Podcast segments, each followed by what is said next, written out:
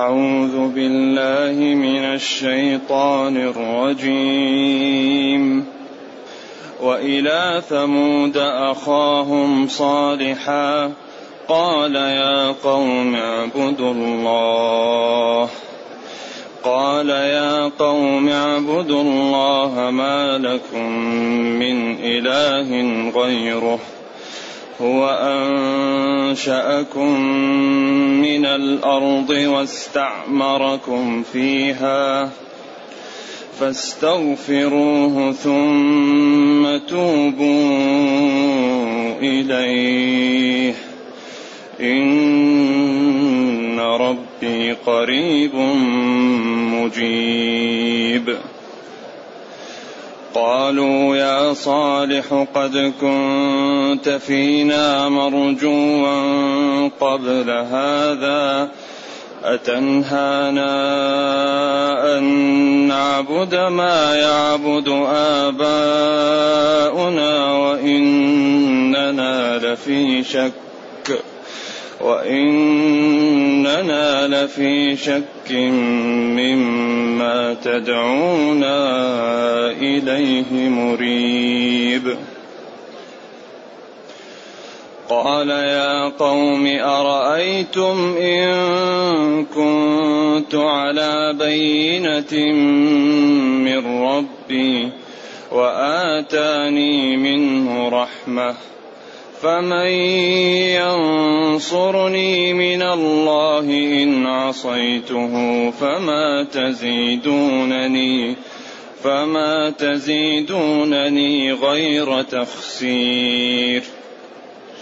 ويا قوم هذه ناقة الله لكم آية فذروها تأكل في أرض الله. ولا تمسوها بسوء ولا تمسوها بسوء فيأخذكم عذاب قريب. فعقروها فقال تمتعوا في داركم ثلاثة أيام ذلك وعد غير مكذوب. فلما جاء أمرنا نجينا صالحا. نجينا صالحا والذين آمنوا معه برحمة منا. والذين آمنوا معه برحمة منا ومن خزي يومئذ. إن ربك هو القوي العزيز. وأخذ الذين ظلموا الصيحة فأصبحوا في ديارهم جاثمين. كأن لم يغنوا فيها. ألا إن ثمود كفروا ربهم. ألا إن ثمود كفروا ربهم. ألا بعدا لثمود. الحمد لله الذي أنزل لنا أشمل الكتاب وأرسل لنا أفضل الرسل وجعلنا خير أمة أخرجت للناس. فله الحمد وله الشكر على هذه النعم العظيمة والآلاء الجسيمة. والصلاة والسلام على خير خلق الله وعلى آله وأصحابه ومن اهتدى بهداه. أما بعد فإن في ايراد هذه القصص عبرا كثيرة لمن يعتبر وفيها تخويف للكفار الذين كانوا بين ظهراني النبي صلى الله عليه وسلم أن يبادروا بالتوبة ويتركوا الكفر حتى لا يحل بهم ما حل بالأمم السابقة. وفيه تثبيت للنبي صلى الله عليه وسلم وطمأنة له وأنه منصور لا محالة وفيه براهين على صدقه.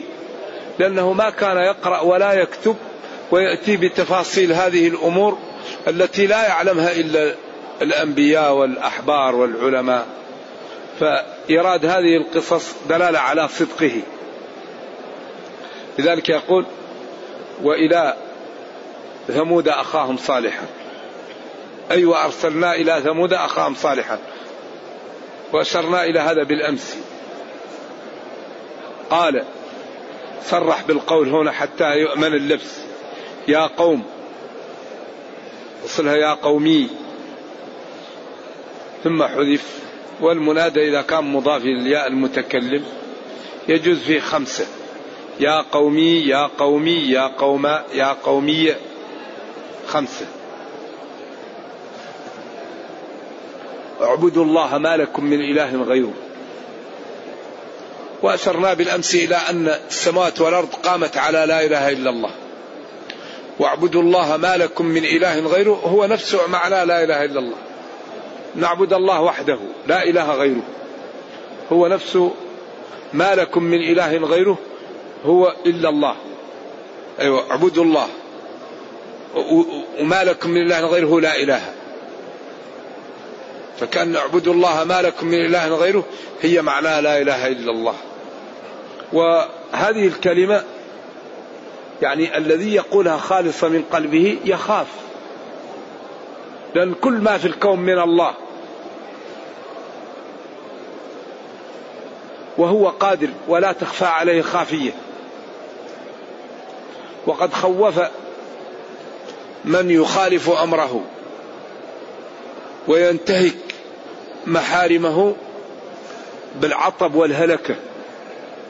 كما أنه وعد من يستقيم بأنه يحميه وينجيه ويدخله الجنة. والله جل وعلا لا يخلف الميعاد. وإلى عاد وإلى ثمود أخاهم صالحا وأرسلنا إلى ثمود أخاهم صالحا. قال لهم يا قوم اعبدوا الله. العبادة مستقى من التعبد وهو أو من العبودية وهو الخضوع والتذلل. خط معبد ومنه العبد لأنه يمتهن بسبب الكفر الذي فيه عياذا بالله. الرق العبد لا يكون إلا بسبب الكفر. عجز حكمي يقوم بالإنسان سببه الكفر عياذا بالله. وهو كل ما يحبه الله من الأقوال والأفعال الظاهرة والباطنة يقال له العبادة. فالخوف عبادة. والصدقة عبادة. والصوم عبادة. والمحبة في الله عبادة. والكراهية في الله عبادة. فكل ما يحب الله ويرضاه من الأقوال والأفعال الظاهرة والباطنة هذا يسمى عبادة. إلا أن العبادة درجات أعلى شيء لا إله إلا الله. وأدناها إماطة الأذى عن الطريق. كل هذا داخل في العبادة وكله داخل في الإيمان. ما لكم من إله غيره. لا إله غير الله. إذا هو اللي يستحق العبادة وحده. وفيه براهين في القرآن بالمئات على أن الله هو الذي يستحق العبادة. من ذلك خلق السماوات والأرض. من ذلك خلقنا. من ذلك خلق آبائنا. من ذلك إنزال المطر من السماء من ذلك إخراج النبات من الأرض. هذه الخمسة دائما تتكرر لأن أكبر البراهين على القدرة وعلى استحقاق الرب لأن يعبد وحده. ولذلك لما أتى بأول أمر في المصحف ذكر هذه الأمور الخمسة. اعبدوا من؟ ربكم. من هو ربنا الذي نعبد؟ خلقنا وآباءنا. وخلق السماء والأرض وأنزل المطر من السماء وأخرج النبات من الأرض. فلا تجعلوا لله أندادا والحال أنكم تعلمون أن المذكورات لا يقدر عليها إلا الله. لذلك يكثر أفمن يخلق كمن لا يخلق؟ فلينظر الإنسان إلى طعامه.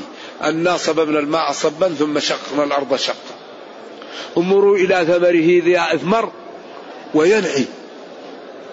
وفي الأرض قطع متجاورات متجاورات هذا يقطع. على من؟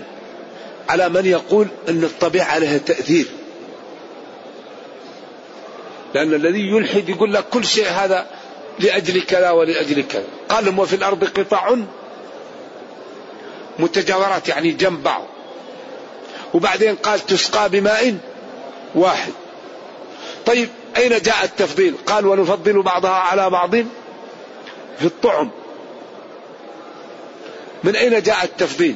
ثم قال في النهاية إن في ذلك لآيات لقوم يعقلون.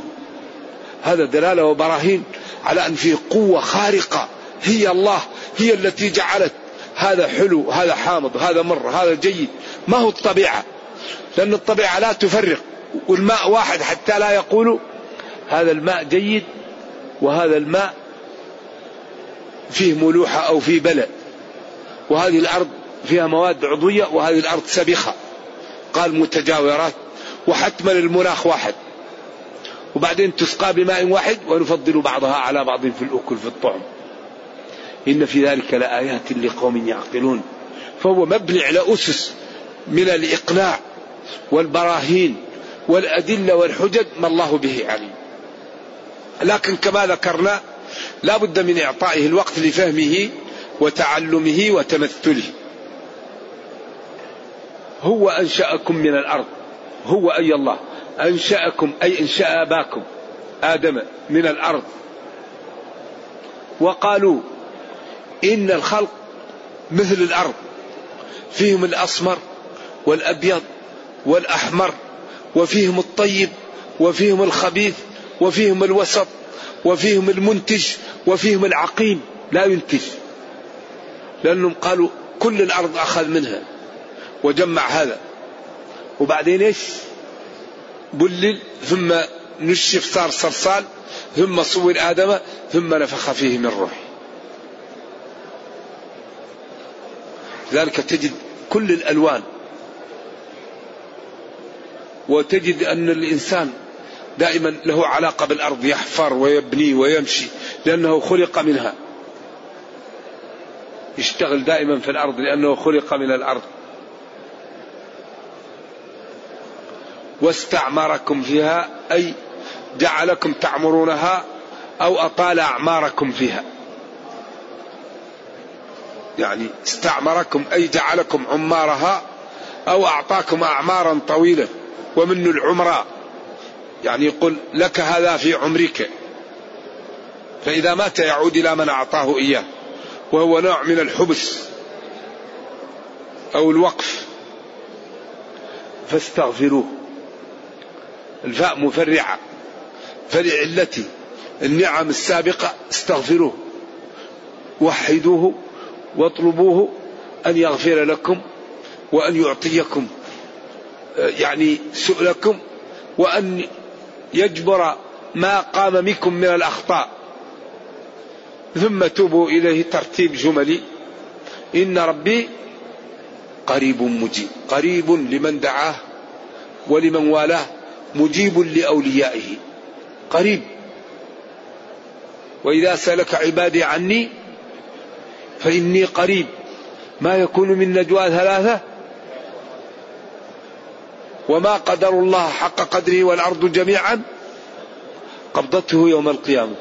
لذلك أهل الحلول مساكين لا يفهمون. إذا كانت السماوات والأراضين في يد الله أصار من حبة خردل. فلما تجلى ربه للجبل ولو أن ما في الأرض من شجرة أقلام والبحر يمده من بعده سبعة أبحر وجعلنا البحار مدادا والأشجار أقلاما وجلس البشر مضروبون في الحصى ملايين السنين يكتبون لجفت البحار وتكسرت الأقلام وما نفدت كلمات الله.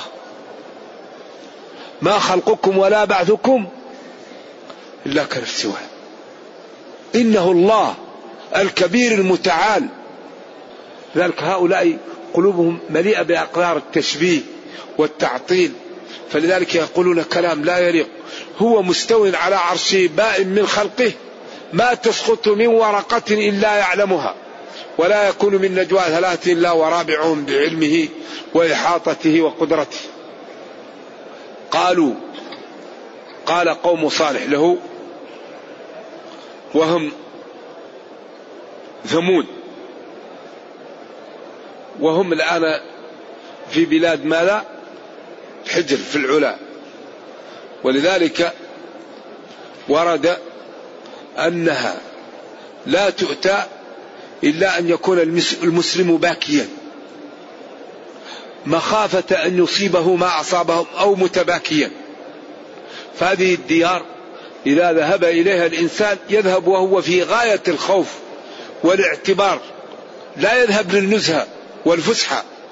يذهب ليعتبر. كانوا ينحتون من الجبال بيوتا. فرهين فارهين. القرية داخل الجبل. تنظر إلى البيوت كأنها بنيت اليوم. عملوا بيوت من الطين فأصبحت تتكسر. أعمارهم طويلة. كانوا يعيشون ثلاثمائة سنة إلى إلى ألف سنة. فصاروا ينحتون من الجبال لطول أعمارهم ولقوة أجسامهم ولما أعطاهم الله. فقالوا لصالح نحن لا نؤمن لك حتى تخرج لنا من هذا الجبل أو من هذه الصخرة. ناقة يقال فتوضأ وصلى ركعتين ودعا فخرجت الناقة.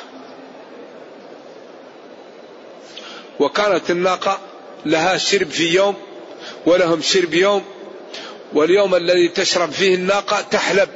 ما يكفيهم من الحليب. فضاقوا ذرع وقال هذه تأخذ عنا يوم كله. وأول شيء قال لهم يا قوم هذه ناقة الله فذروها تأكل في أرض الله ولا تمسها بسوء اتركوها. وكأن صالحا صلوات الله وسلامه عليه وعلى نبينا فهم من طبعهم أنهم لا يتحملوا هذه الناقة لأنها آية له ومعجزة خالدة قائمة فكفرهم ودناءتهم لا تقبل هذا. فحذرهم من قربانها في أول وهلة. وبعدين ما سمعوا وذهب أشقاها قدار وعقرها ونسب العقر لهم لأنهم تواطؤوا وبيتوه. المهم قالوا له يا صالح قد كنت فينا مرجوا قبل هذا أي قد كنت فينا زعيما رئيسا. أو قد كنت فينا مرجوا لأن تكون سيدا في بيئتنا وعملنا. نحن نريد أن نسودك. تكون تباشر الآلهة وتعمل فيها. أما الآن نحن صار عندنا خيبة أمل فيك. أتنهانا أن نعبد ما يعبد آباؤنا؟ وإننا لفي شك مما تدعونا إليه مريب. إنا اللي هم قومه لفي شك. الشك هو يعني عدم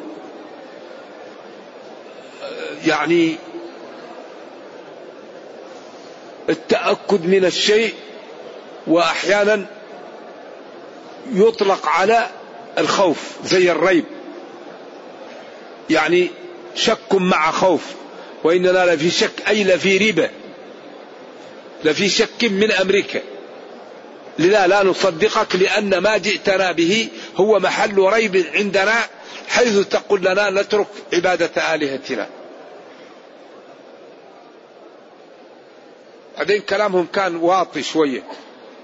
هو قال لهم اعبدوا الله ما لكم من إله غيره هو إيش؟ أنشأكم. كان من حقهم أن يقولوا لنا لنا آلهة غيره وفعلت لنا وفعلت لنا. قالوا قد كنت فينا مرجوا قبل هذا كنا نؤمل أن تذهب معنا إلى عبادة الأوثان. وإننا لفي شك لفي ريب مما تدعوننا إليه. طيب أين أين الريب؟ لما لا تأتوا به؟ ولذلك الكافر والضال إذا ألجئ بالحجة يبدأ إيش؟ يهدد ويخرج عن طوره. أي واحد الآن عنده عنده يعني أخطاء وضلال إذا أحرج بالحجة يبدأ يسب ويشتم أو يقول كلام ليس في الموضوع. لذلك هم قال لهم يا قوم أرأيتم إن كنت على بينة من ربي؟ أخبروني إن كنت على برهان وحجة من الله وآتاني منه رحمة. فمن ينصرني من الله إن عصيته؟ فمن الذي يمنعني من الله إن عصيته؟ حيث أتبعكم فيما تقولون وأتبع الأوثان. فما تزيدونني غير تخسير. يعني هذه العبارة تفسيرها غير واضح. لكن أحسن ما يقال فيها فما تزيدونني فيكم غير خسارة لكم أنتم. لأنه هو هو ما عنده خسارة حتى يقول تزيدونني تخسيرا. هو على بصيرة وعلى دين وعلى مروءة وعلى حق. لكن فما تزيدونني فيكم بما تقولون إلا أنكم خاسرون وعلى ضلالة. فكل ما أتيتم بحجج زادني ذلك معرفة بخسارتكم وضلالكم. هذا هو أصح الأقوال في, في, في الآية. فما تزيدونني في غير تخسير فيكم غير إيمان بخسارتكم وضلالكم. طيب إيش بعد هذا؟ ثم قال لهم ويا قوم هذه ناقة الله. ناقة الله تشريفا لها لأنهم طلبوا منه أن يأتيهم بها فدعا الله فجاءت. لكم آية برهان وحجة على صدقي. وعلى وحدانية الله وعلى أمر لا يمكن أن يعمله ويقوم به إلا الله. لأنه إخراج ناقة من صخرة لو اجتمع أهل الأرض ما يمكن يخرجوا من صخرة ولا نملة. ما يمكن هذه ناقة عشراء خرجت من من الصخرة بدعائه. لكم آية واضحة. فذروها تأكل في أرض الله. اتركوها. تأكل في هذا الواد ولا تمسوها بسوء فيأخذكم عذاب قريب. ما يتأخر. هؤلاء حصل لهم من الضلال والكفر وطمس البصيرة ما لا يعلمه إلا الله. ناس رأوا ناقة خرجت من صخرة. وجاءهم نبي كريم وقال لهم هذه الناقة احذروا. إذ انبعث أشقاها. فقال لهم رسول الله ناقة الله وسقياها. فكذبوه فدمدم عليهم ربهم بذنبهم فسواه. نرجو الله السلام والعافية. ولذلك يقضى على المرء في أيام محنته حتى يرى حسنا ما ليس بالحسن. الإنسان أعوذ بالله إذا طمس عليه ما يدري. فرعون قال لهم أنا ربكم الأعلى. استخف قومه فأطاعوا وفرعون يعلم أنه كذاب. هو عارف. فرعون يعرف أنه كذاب. هو يعرف أنه يكذب. بدليل أنه لما جاءت نقطة الصفر قال آمنت أنه لا إله إلا الذي آمنت به بنو إسرائيل وأنا من المسلمين. ماذا قال له ربه؟ قال له آه الآن. لا. وقد عصيت قبل وكنت من المفسدين فاليوم ننجيك ببدنك. نجعلك على نجوى وعلى مرتفع ببدنك ليراك الناس ويتحققوا من موتك ويبقى جسمك ليكون لمن خلفك آية.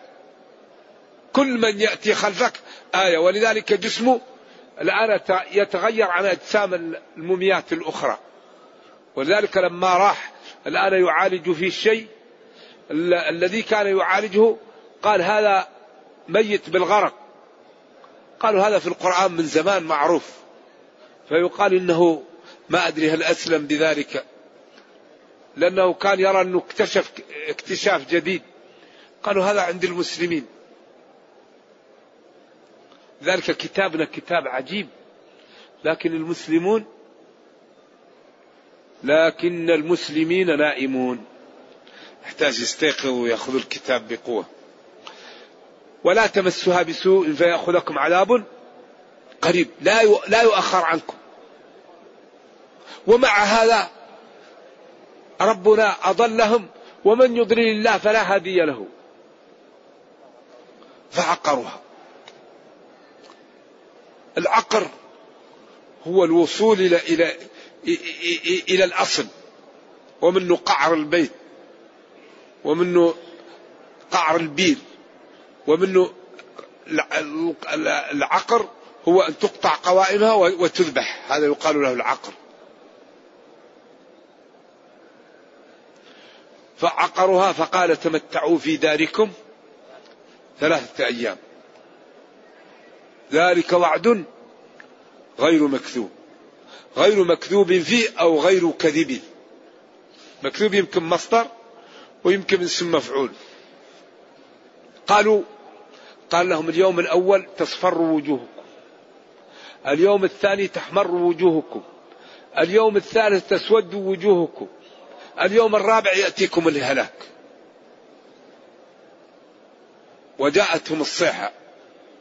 فماتوا وأخذ جبريل جناحه ووضعه تحت القرى ورفعها وقلبها بهم. صاح عليهم فهلكوا جميعا خذتهم الصيحة فقال تمتعوا في داركم ثلاثة أيام ذلك وعد غير مكذوب. غير مكذوب فيه أو غير كذب. فلما جاء أمرنا هلاك هؤلاء نجينا صالحا والذين آمنوا معه برحمة منا. نجينا صالح وأهل بيته. فما وجدنا فيها غير بيت من المسلمين. وأخذ الذين ظلموا الصيحة فأصبحوا في ديارهم جاثمين. في ديارهم. وأخذ الذين هنا قال أخذت. وهنا قال وأخذت. لأن التأنيث هنا معنوي. ككسرت اللبنة وكسر اللبنة. وإنما تلزم التاء في قامة هند أو الشمس طلعت. هذا الذي تلزم فيه التاء. وإنما تلزم فعل مضمر متصل أو مفهم ذات حري. أما تقول كسر اللبنة وكسرت اللبنة. التأنيث المعنوي يجوز. ولذلك قال وأخذ الذين وهنا قال وأخذت الذين. وأخذت الصحة نعم. وأخذ الذين ظلموا الصحة فأصبحوا في ديارهم جاثمين ميتين لا حراك لهم كأن لم يغنوا كأن لم يسكنوا فيها. ألا إن ثمود ألا إن ثمودا. إذا قلنا ألا إن ثمود راعينا العلم والقبيلة. وإذا قال لا إن ثمودا راعينا العلم والعلمية والذكورة. لأنه اسم رجل. فيجوز ثمود وثمودا ثمود على أنها القبيلة العلمية والتأنيث وثمود على أنه رجل ثمودا فيجوز صرفه وعدم صرفه كلهم قراءة سبعية. ألا إن ثمودا ألا إن ثمود كفروا ربهم. ألا حرف استفتاح وتنبيه. كفروا ربهم هنا. ما قال كفروا بربهم كفروا ربهم. ألا ألا بعدا لثمود. تقول بعد يبعد وبعيد يبعد. بعد يبعد في المسافة وبعيد يبعد إذا هلك. ألا ألا بعدا لثمود. و نرجو الله جل وعلا أن يرينا الحق حقا ويرزقنا اتباعه وأن يرينا الباطل باطلا ويرزقنا اجتنابه وأن لا يجعل الأمر ملتبسا علينا فنضل. سبحان ربك رب العزة عما يصفون والسلام على المرسلين الحمد لله رب العالمين. نجيب على بعض الأسئلة ون... نود من الإخوان الذين يسألون أن تكون الأسئلة في موضوع الدرس أو فيما يحتاجونه في عبادتهم. نريد الأسئلة أن تكون في القرآن في التفسير فيما يحتاجونه. وأن تكون القصد منها الفائدة العلمية. وأن أو تكون في أمور يحتاجها في عبادتهم.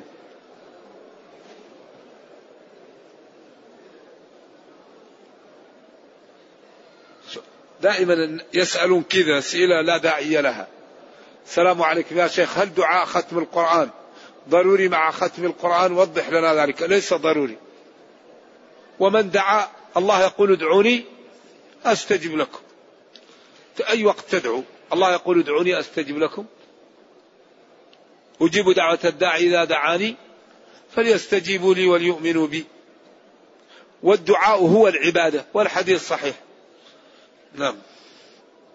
إذا أتيت المسجد بعد صلاة العصر فهل أصلي ركعات السنة تحية المسجد أم أجلس حتى يؤذن المغرب؟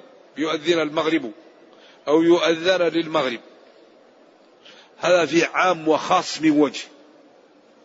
وهذا تكرر كثير. في إذا دخل أحدكم المسجد فلا يجلس حتى يصلي ركعتين. وفيه لا صلاة بعد العصر حتى تغرب الشمس. والحديثان صحيحان. فهذا عام من جهة وهذا عام من جهة وهذا خاص من جهة وهذا خاص من جهة. فالعلماء في هذا لهم قولان. قول للشافعي رضي الله عن الجميع وقال إن ذوات الأسباب خارجة عن النهي.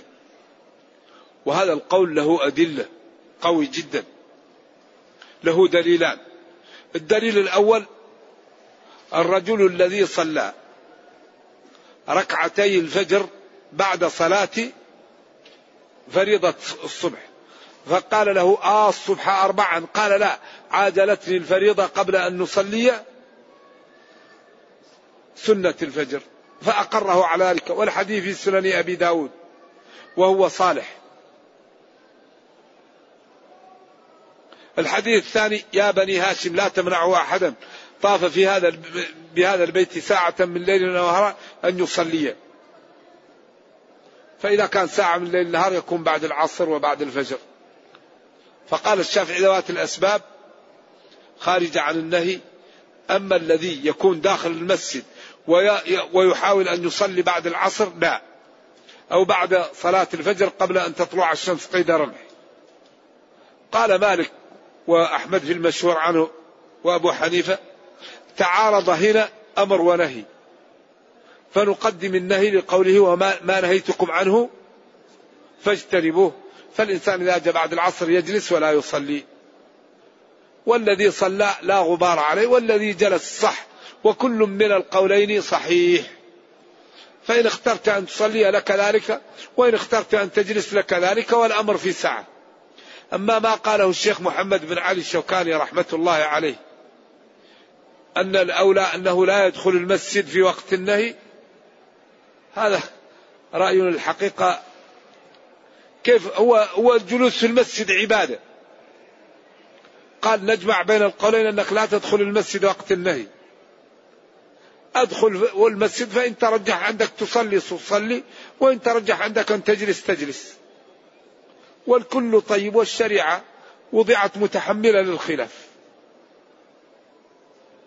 نبينا قال لا يصلي أحد العصر صلى الله عليه وسلم. فبعضهم قال يقصد الإسراع فصلوا في الطريق. وبعضهم قال هو الذي أتانا بوجوب العصر فلا نصلي العصر إلا في بني قرظة ولو وصل العشاء. فأقرهما جميعا. والذي والإثنان اللذان تيمما ورأوا الماء فأعاد أحدهما بعد الوضوء والثاني لم يعد. فقال للذي لم يعد أصبت السنة وقال للذي أعاد الصلاة لك أجرك مرتين. والذي له الأجر مرتين لم يخطئ والذي أصاب السنة لم يخطئ. إذا ما دام الخلاف في داخل الشريعة الشريعة وضعت متحملة للخلاف. فلا نضيق واسعا. إذا من أراد أن يصلي له ومن أراد أن يجلس له ذلك. لا وقد كل واحد يترجح عنده شيء. كلام الشافعي جيد وكلام مالك جيد وكل له وجهه ونرجو الله أن يغفر لنا ولهم جميعا. ما حكم الحج بعد أداء الفريضة؟ الحج بعد أداء الفريضة مباح يعني عمل عجيب إذا استطاع الإنسان. الحج المبرور داوموا بين الحج والعمرة إن استطعتم. نعم. فإذا إذا كان الإنسان يستطيع وإذا كان لا يستطيع نية المسلم خير من عمله. وإذا كان الإنسان لا يمنعه إلا أنه لا يستطيع إن شاء الله له الأجر. لأن الله تعالى يعامل الناس بنياتهم. أيوة إنما الأعمال بالنيات. فإذا كان الإنسان لا يمنعه عن العمل إلا العجز يكتب له. ولذلك المال لأربع. رجل له مال. وسلطه على هلكته. ورجل لا مال له وقال لو أن لي مالا لفعلت فيه مثل ما فعل الرجل فهما في الأجر سواء. ورجل له مال ولا فقه له فوقع في ماله في في فيما لا يجوز. ورجل لا مال له وليس عنده فقه فقال لو أن لي مال لفعلت فيه مثل فلان فهما في الوزر سواء. إذا التقى المسلمان بسيفيهما فالقاتل والمقتول قالوا هذا القاتل فما باله إيش؟ المقتول قال إنه كان حريصا على قتل صاحبه. الذين قال إن بالمدينة اقواما ما قطعتم واديا ولا شعبا إلا قطعوه معكم حبسهم وش؟ الفقر الجهل. ولا على الذين إذا ما أتوك لتحملهم قلت لا أجد ما أحملكم عليه تولوا وأعينهم تفيض من الدم حزنا أن لا يجدوا ما ينفقون إنما السبيل على الذين يستأذنونك وهم أغنياء رضوا بأن يكونوا مع الخوالف. فالأعمال بالنيات. لذلك المسلم إذا أصلح نيته وعمله العمل القليل يكون كثيرا. ليبلوكم أيكم. لذلك العمل يعني أهم شيء أن يكون الإنسان في قلبه الإيمان والإخلاص. ويكون يريد العمل. فإذا عجز الله يعطيه. يعطيك على نيته لذلك ينبغي للإنسان أن يجعل نيته دائما طيبة وينوى الخير ويبتعد عن الشر وعن الأمور التي تنغص الحسنات. قلت صلى ركعتين ودعا الله فهل كانت هناك صلاة قبل بعد النبي صلى الله عليه وسلم؟ طبعا كانت صلاة. الصلاة هي الدعاء أصلا. الصلاة الدعاء و النبي صلى الله عليه وسلم أما الأنبياء إيش؟ ليلة الإسراء. و لا أدري هل هي صلاة مثل صلاتنا أو صلاة أخرى. ولا أعرف أن الصلاة يعني بعدين هذه الأسئلة الحقيقة هي أسئلة خارجة عن فائدة الإنسان إذا كان عندهم إذا حج الطفل مع والديه يسقط عنه حج الفريضة؟ لا يسقط.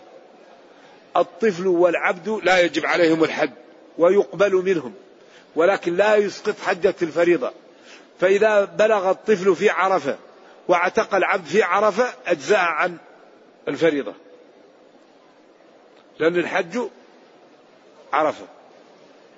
لكن يصح من الطفل ومن العبد الحج ويؤجران عليه لكن لا يرفع عنهم الفريضة. يقول حجت أريد أن نحج عن أمي. هل يجوز أن ننوي التمتع وأن تكون العمرة لنفسي؟ لا لا لا. ما دمت أنت تأتي بعمرة وحج سواء لازم تكون متمتع تذبح.